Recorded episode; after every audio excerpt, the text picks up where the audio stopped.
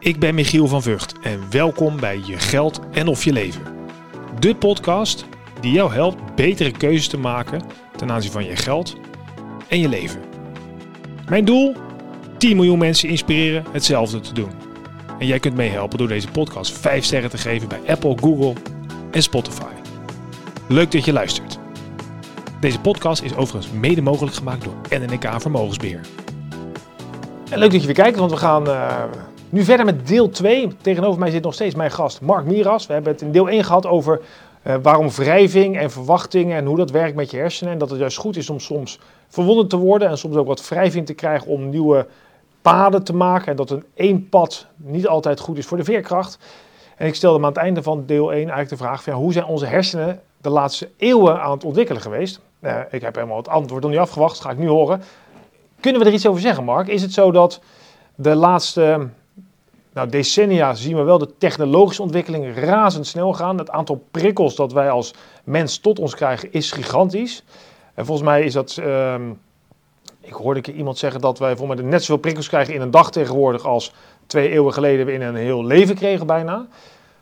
Zijn onze hersenen zo goed en slim dat ze zich daarop mee ontwikkelen? Of krijgen we nu allerlei klachten en dingen waardoor, omdat het gewoon te druk wordt voor ons? Is daar iets over te zeggen? Ja, daar is veel over te zeggen. Um, om mee te beginnen, uh, onze hersenen zijn genetisch nog steeds dezelfde die we 40.000 jaar geleden waren. Dus we, we, zijn wat dat betreft nog steeds oermensen. Het is een wonder dat we uiteindelijk opgroeien tot moderne mensen die in staat zijn om in zo compleet andere omstandigheden te functioneren. Um, en dat komt omdat we dat als kind al meemaken. Je wordt als, als kind word je, word je in een soort ontwikkelingsproces gebracht. Er is eigenlijk heel weinig voor geprogrammeerd in het brein, zou je ja. kunnen zeggen.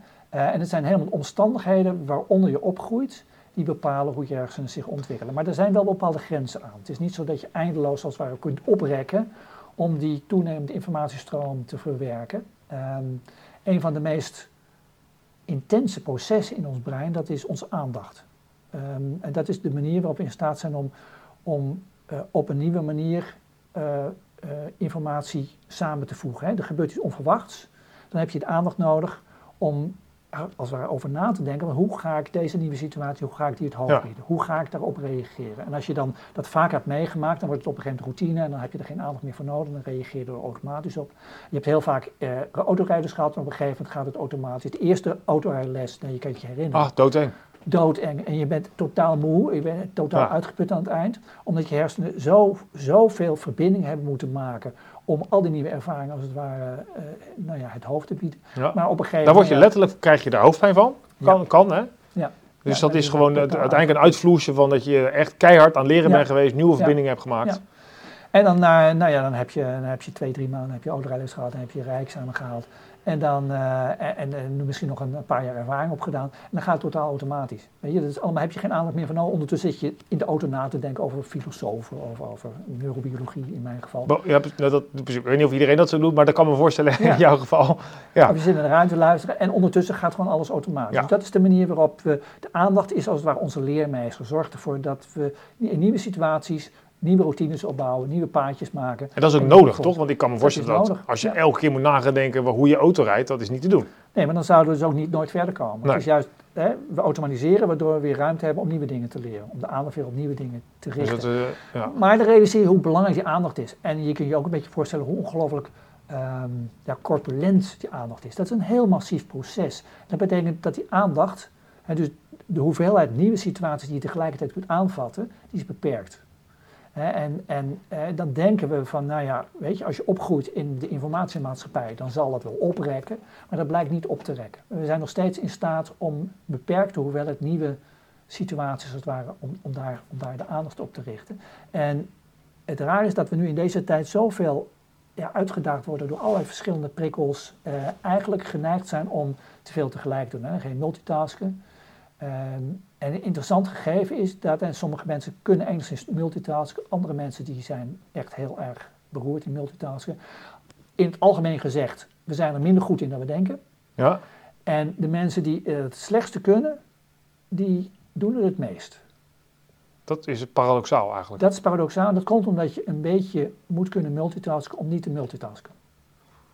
Wow, dit wordt bijna filosofisch, vind ik. Ja, ja, Cruyffiaans. maar, maar probeer je even voorstellen. je- eh, Even bij mezelf. Ik, eh, eh, de verleiding om twee dingen tegelijk te doen. Eh, Want die komen tegelijk op tijd maar af. En ik wil ze allebei doen. En dan ga ik ze allebei tegelijk doen. Eh, maar dan moet ik even boven mezelf uitstijgen. En dan denk ik van, Mark, dat is niet verstandig. Dat vertel je tijdens lezing ook altijd. moet je niet doen. Want dat is gewoon, ja, je gaat dan switchtasken. Dat is niet handig. Dus je moet als ware even boven jezelf uitstijgen om te voorkomen dat je gaat multitasken. Dus je moet kunnen multitasken Ah, om niet te multitasken. En dat zie je ook mensen die een goede eh, singularis hebben. Dus het centrum waar de, de brein- het onderdeel van ons brein waar de eh, aandacht woont. Hoe heet dat, singulaar? De singularis, voorste singularis. Ja. ehm, die, ehm, eh, die, die doen het minst.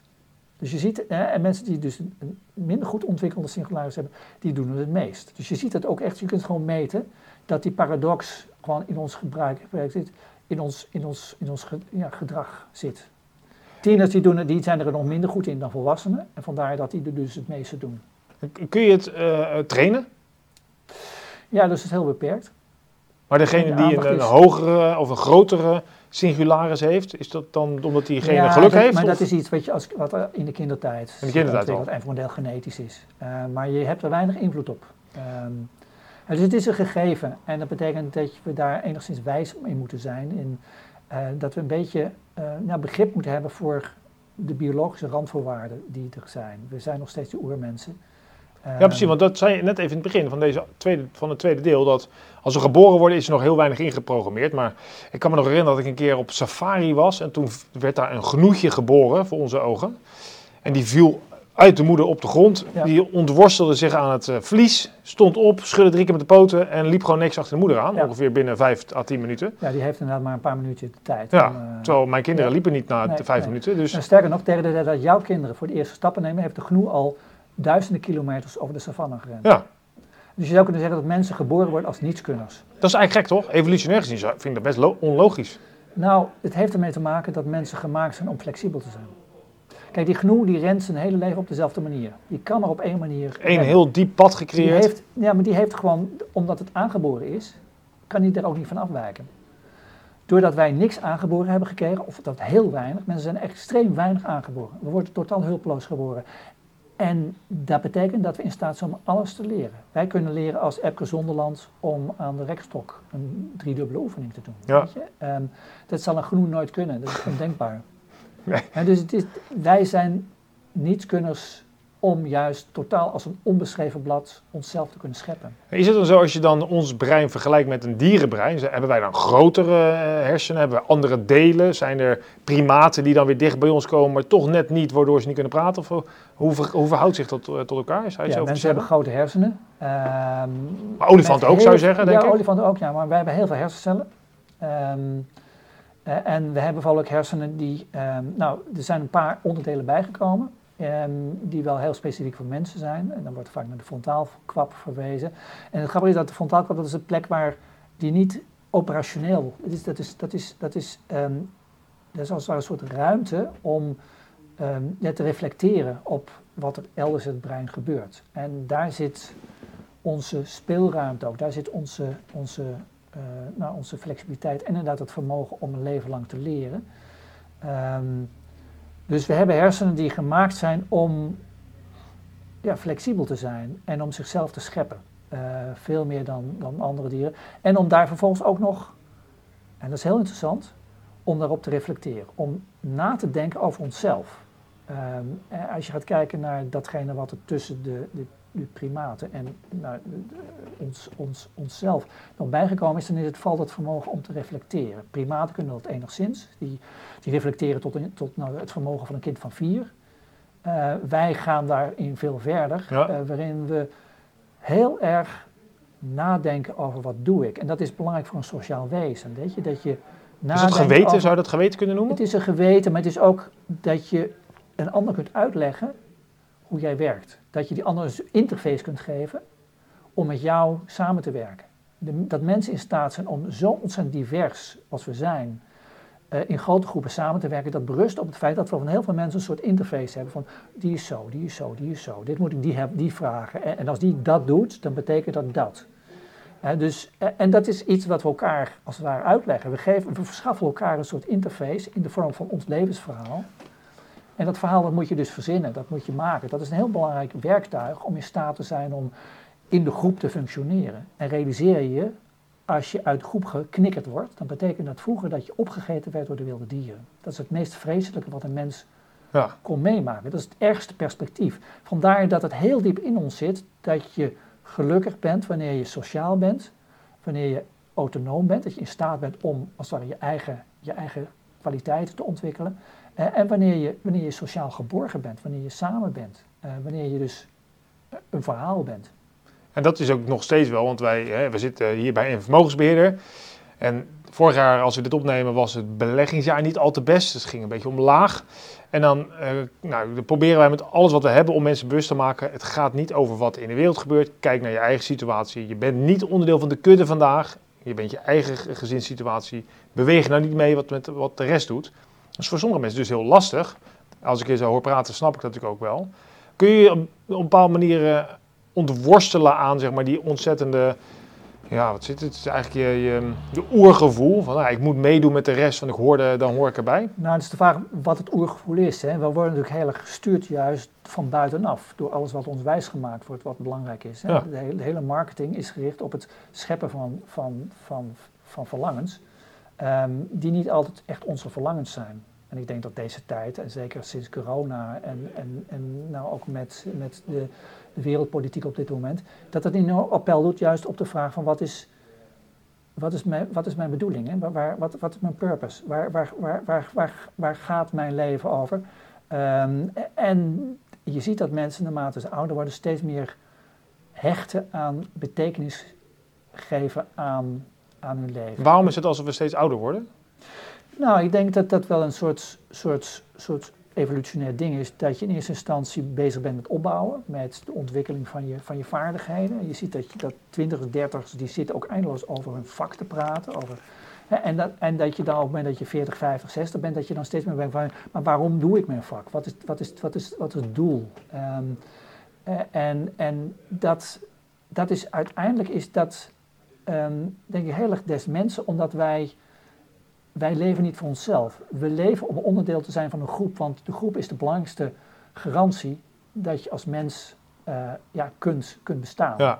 dat je niet opgegeten wordt door de wilde dieren. maar is het dan zo dat de, naarmate je meer wijsheid krijgt en ervarener bent, ik bedoel, ik vind de Disney-films bijvoorbeeld, The Lion King, een prachtig voorbeeld. Daar zie je dan de oude wijze aap die met wat verf uiteindelijk de goede raad aan Simba geeft, zeg maar. Dus dat is ook de, de oude wijze man of de tovenaar zeg maar, van vroeger, de medicijnman, ja. vrouw, die... Dat is prachtig en ook heel logisch, hè, want onze hersenen bouwen hun hele leven patronen op. Je bent voortdurend nieuwe patronen. Iedere dag eh, voeg je patronen toe aan je hersenen. En uh, we denken vaak dat we vergeetachtig worden, maar dat verdwijnt dus niet. Dat gaat je hele leven, blijft dat opbouwen. Dat betekent dat als je 80 bent, dat je twee keer zoveel patronen in je hoofd hebt als toen je 40 was. Uh, en die patronen die helpen je om um, in, in, in onverwachte situaties tot een soort, tot een soort dieper inzicht te komen. om te begrijpen waar, waar eh, eh, eh, als je heel veel hebt meegemaakt, dan kun je ook een nieuwe situatie, kun je bedenken wat de beste oplossing is. Je kunt beter inschatten wat de mogelijke uitkomsten zijn. Je hebt het al misschien een keer meegemaakt. Ja, het voelt minder spannend. Je, het is niet alleen de oplossing voor de korte termijn, maar ook de, de oplossing voor de lange termijn, die als het ware in die, al, al die patronen verborgen zit. Over de lange termijn, dat is ook een interessante. Het is natuurlijk ook fascinerend, vind ik, dat het lastig is, lijkt het in ieder geval, voor ons als mensen om na te denken over mijn uh, pensioen. Dat is over 30 jaar bijvoorbeeld. Ja. Dat is ver weg. Dus ik kan dat niet concreet genoeg maken, want ik weet niet hoe ik er dan bij zit, hoe ik leef, hoe mijn leven eruit ziet. Dus doe ik bijna niks. Dus het lastige, pensioen zijn we, nou ja, gaf zelf aan dat je je pensioen wel aan het regelen was of geregeld had, maar dat zijn maar weinig mensen die daar echt bewust van zijn. Is dat ook iets wat je in de hersenen kunt terugzien, dat het lastig is, of dat we nu voor de instant beloning gaan in plaats van over de beloning over 30 jaar bijvoorbeeld? Kun je daar iets, is dat ook, of is dat meer een ander onderdeel? Ja, het grappige is dat dat het hangt wel een beetje van, de, van, van je omstandigheden af. Ehm, en, en hoe je, um, ja, hoe je leeft. Um, ze, hebben, ze hebben ooit al vastgesteld dat, dat mensen die in de natuur zijn, bijvoorbeeld, als, je, als ik jou zou vragen, hè, ik geef je nu 100 euro. Uh, of over vier maanden 110. Zou je daar tevreden mee zijn? Of kies je dan toch nu voor 100? Kijk, eh, vanuit mijn vak zou ik moeten zeggen, ik wacht vier maanden, heb ik 10% ja, rendement. Ja, dat is helemaal niet gek. maar ik denk, ja, ik eh, ken jou net pas een uurtje of zo, dus uh, weet ik veel. Doe maar je 100 piek nu. Bijvoorbeeld, of het is wel lekker, dan kan ik vanavond... Uh, ja. 120 over vier maanden. Waar ligt de break-even ah, point? Precies, dat wordt al interessanter. Ja, ja. ja. dus bij iedereen is een soort break-even point. En het interessante is, dat hangt helemaal vanaf hoe je... Um, als je, als je mensen een wandeling door de natuur laat maken, dan schuift dat break-even point op. En dat doet iets met je. En mensen die in de natuur zijn, die komen in een toestand, dat kun je ook in de hersenen zien, waarbij ze veel meer ja, met hun functie, hun, hun, hun um, veel meer een soort, soort brede sociale gevoel voor, voor betekenis en waarde krijgen. Terwijl wanneer je in de stad bent, dan ben je heel gericht op het korte termijn, op, op, op concurrentie, um, op overleven. Is het dan zo, als je in de natuur loopt, dan ga ik met, ook met 105 over vier maanden akkoord? Of wordt het juist 115? Nee, nee, nee, dat wordt lager dus. Ja, lager, dus, precies. Ja, dus precies. Als alsof de toekomst voelbaarder is. Ja, exact. Ja, ja. Alsof of dat dus reëler is. Oh, maar, wat, dit is toch, ik bedoel, dit is bijna, een, als nu, natuurkundige moet je denken, dit kan niet, want dit is niet, dit is niet logisch, toch? Hoe kan je dit nou recht uh, praten? Of hoe kan je dit verklaren? Dat is toch een rare... Dat er een boom staat, heb je een ander gevoel dan als er een, een betonnen toren nee, staat. dat is heel logisch. Oh, nou, die, um, vertel. Want we hebben verschillende toestanden, zou je kunnen zeggen. De manier, als, het, als het gaat om ons stresssysteem, um, we kunnen gericht zijn op het overleven in het hier en nu. Eh, dat is overleven. En natuur plaats je in een andere toestand waarbij je veel meer die delen in ons menselijk brein activeert, waarbij we in de toekomst leven. En mensen zijn in staat om plannen te maken voor de toekomst. Maar dat is, die, die, die, die plannen die zijn lang niet altijd even, even uh, uh, ja, voelbaar, operationeel voor ons. Want op het moment dat je in het, in, het, in het gedrang komt, op het moment dat je klem komt te zitten, op het moment dat je, dat je moet overleven, dan ben je niet met de toekomst bezig. Dus je zou kunnen zeggen dat onze hersenen, afhankelijk van de omstandigheden, kunnen switchen tussen korte termijn en lange termijn denken. En op het moment dat je in de natuur bent, dat doet iets waardoor je die lange termijn modus geactiveerd wordt. En we dan dus ineens een hele andere keuze maken, ook als het om, om, om geld gaat. Bizar joh, maar dus dan, heeft dat dan maken met kleur of zo? Of met, met geluid? Nee. Of? Nee, de, de, natuur het heeft gemaakt met het patroon van, van blaadjes. En waarschijnlijk ook met bepaalde stoffen die die, uh, die planten uh, Ja, precies. Ja. Het heeft te maken dus met fascinatie. Uh, op het moment dat je in een gefascineerde toestand bent, ehm, dan dat je plezier hebt.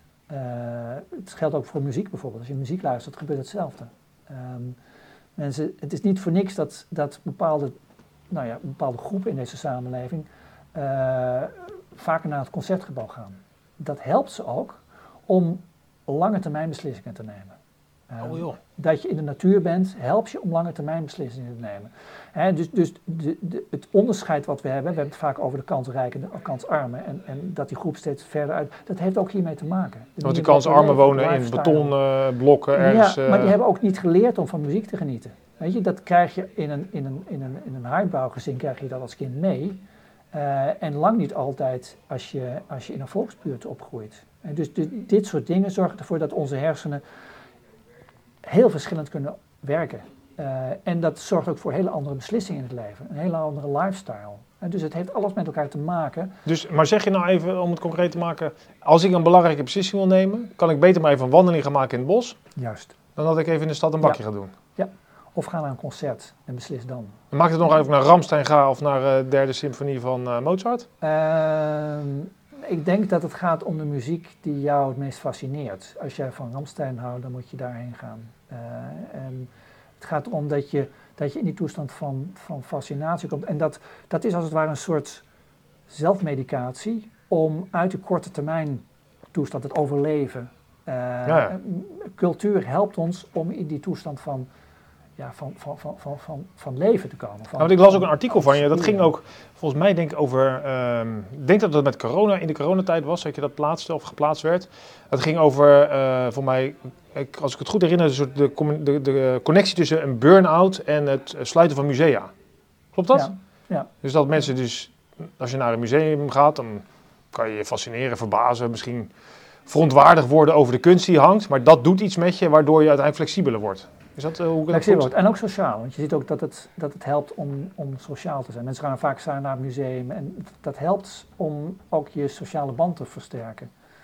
En dat helpt ook weer om de burn-out weer te voorkomen. Dus het, het, het, het heeft allemaal helemaal met elkaar, het, het, is sterk met elkaar verweven. Dus uh, eigenlijk heel flauw gezegd, alle linkse hobby's zijn goed voor je uh, lange termijn beslissingen. Ja, ja, ja, ja, en dat is niet helemaal toevallig, denk ik. Want je ziet ook dat uh, de linkse politiek over veel meer over de lange termijn gaat. Als je gaat kijken naar, naar wanneer er het meest wordt uitgegeven. Dan gaan we weer lamp uit. Ik moet er even... Ja. Dansen voor de camera. Dans was goed, hoorde ik in de aflevering 1. Dan moet ik eens op verzinnen voor de volgende keer. Ja. Daar zijn we weer.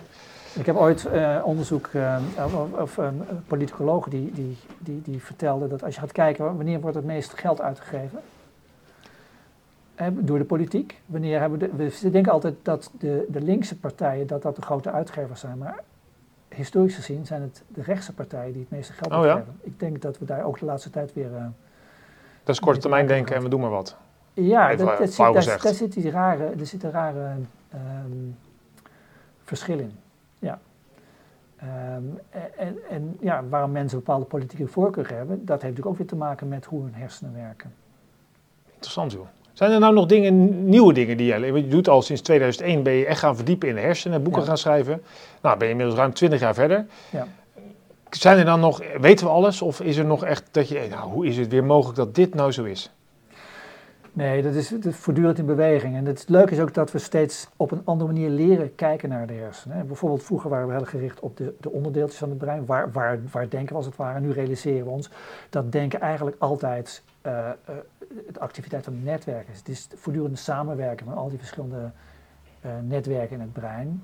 dus je ziet dat ook steeds dat we als we in een andere laag vanuit een ander perspectief naar die hersenen kijken, waardoor je ook weer andere eigenschappen ineens kunt gaan begrijpen. En wat ik nu vertel, dat heeft veel meer te maken met de, de, de, dan die netwerken, die ons dus inderdaad afhankelijk van de situatie, afhankelijk van de omstandigheden, in een hele andere toestand kunnen zetten. Um, dat, dat, ja, dat, dat geeft je een heel ander perspectief op hoe mensen, wie, wie, mensen zijn, hoe mensen zijn.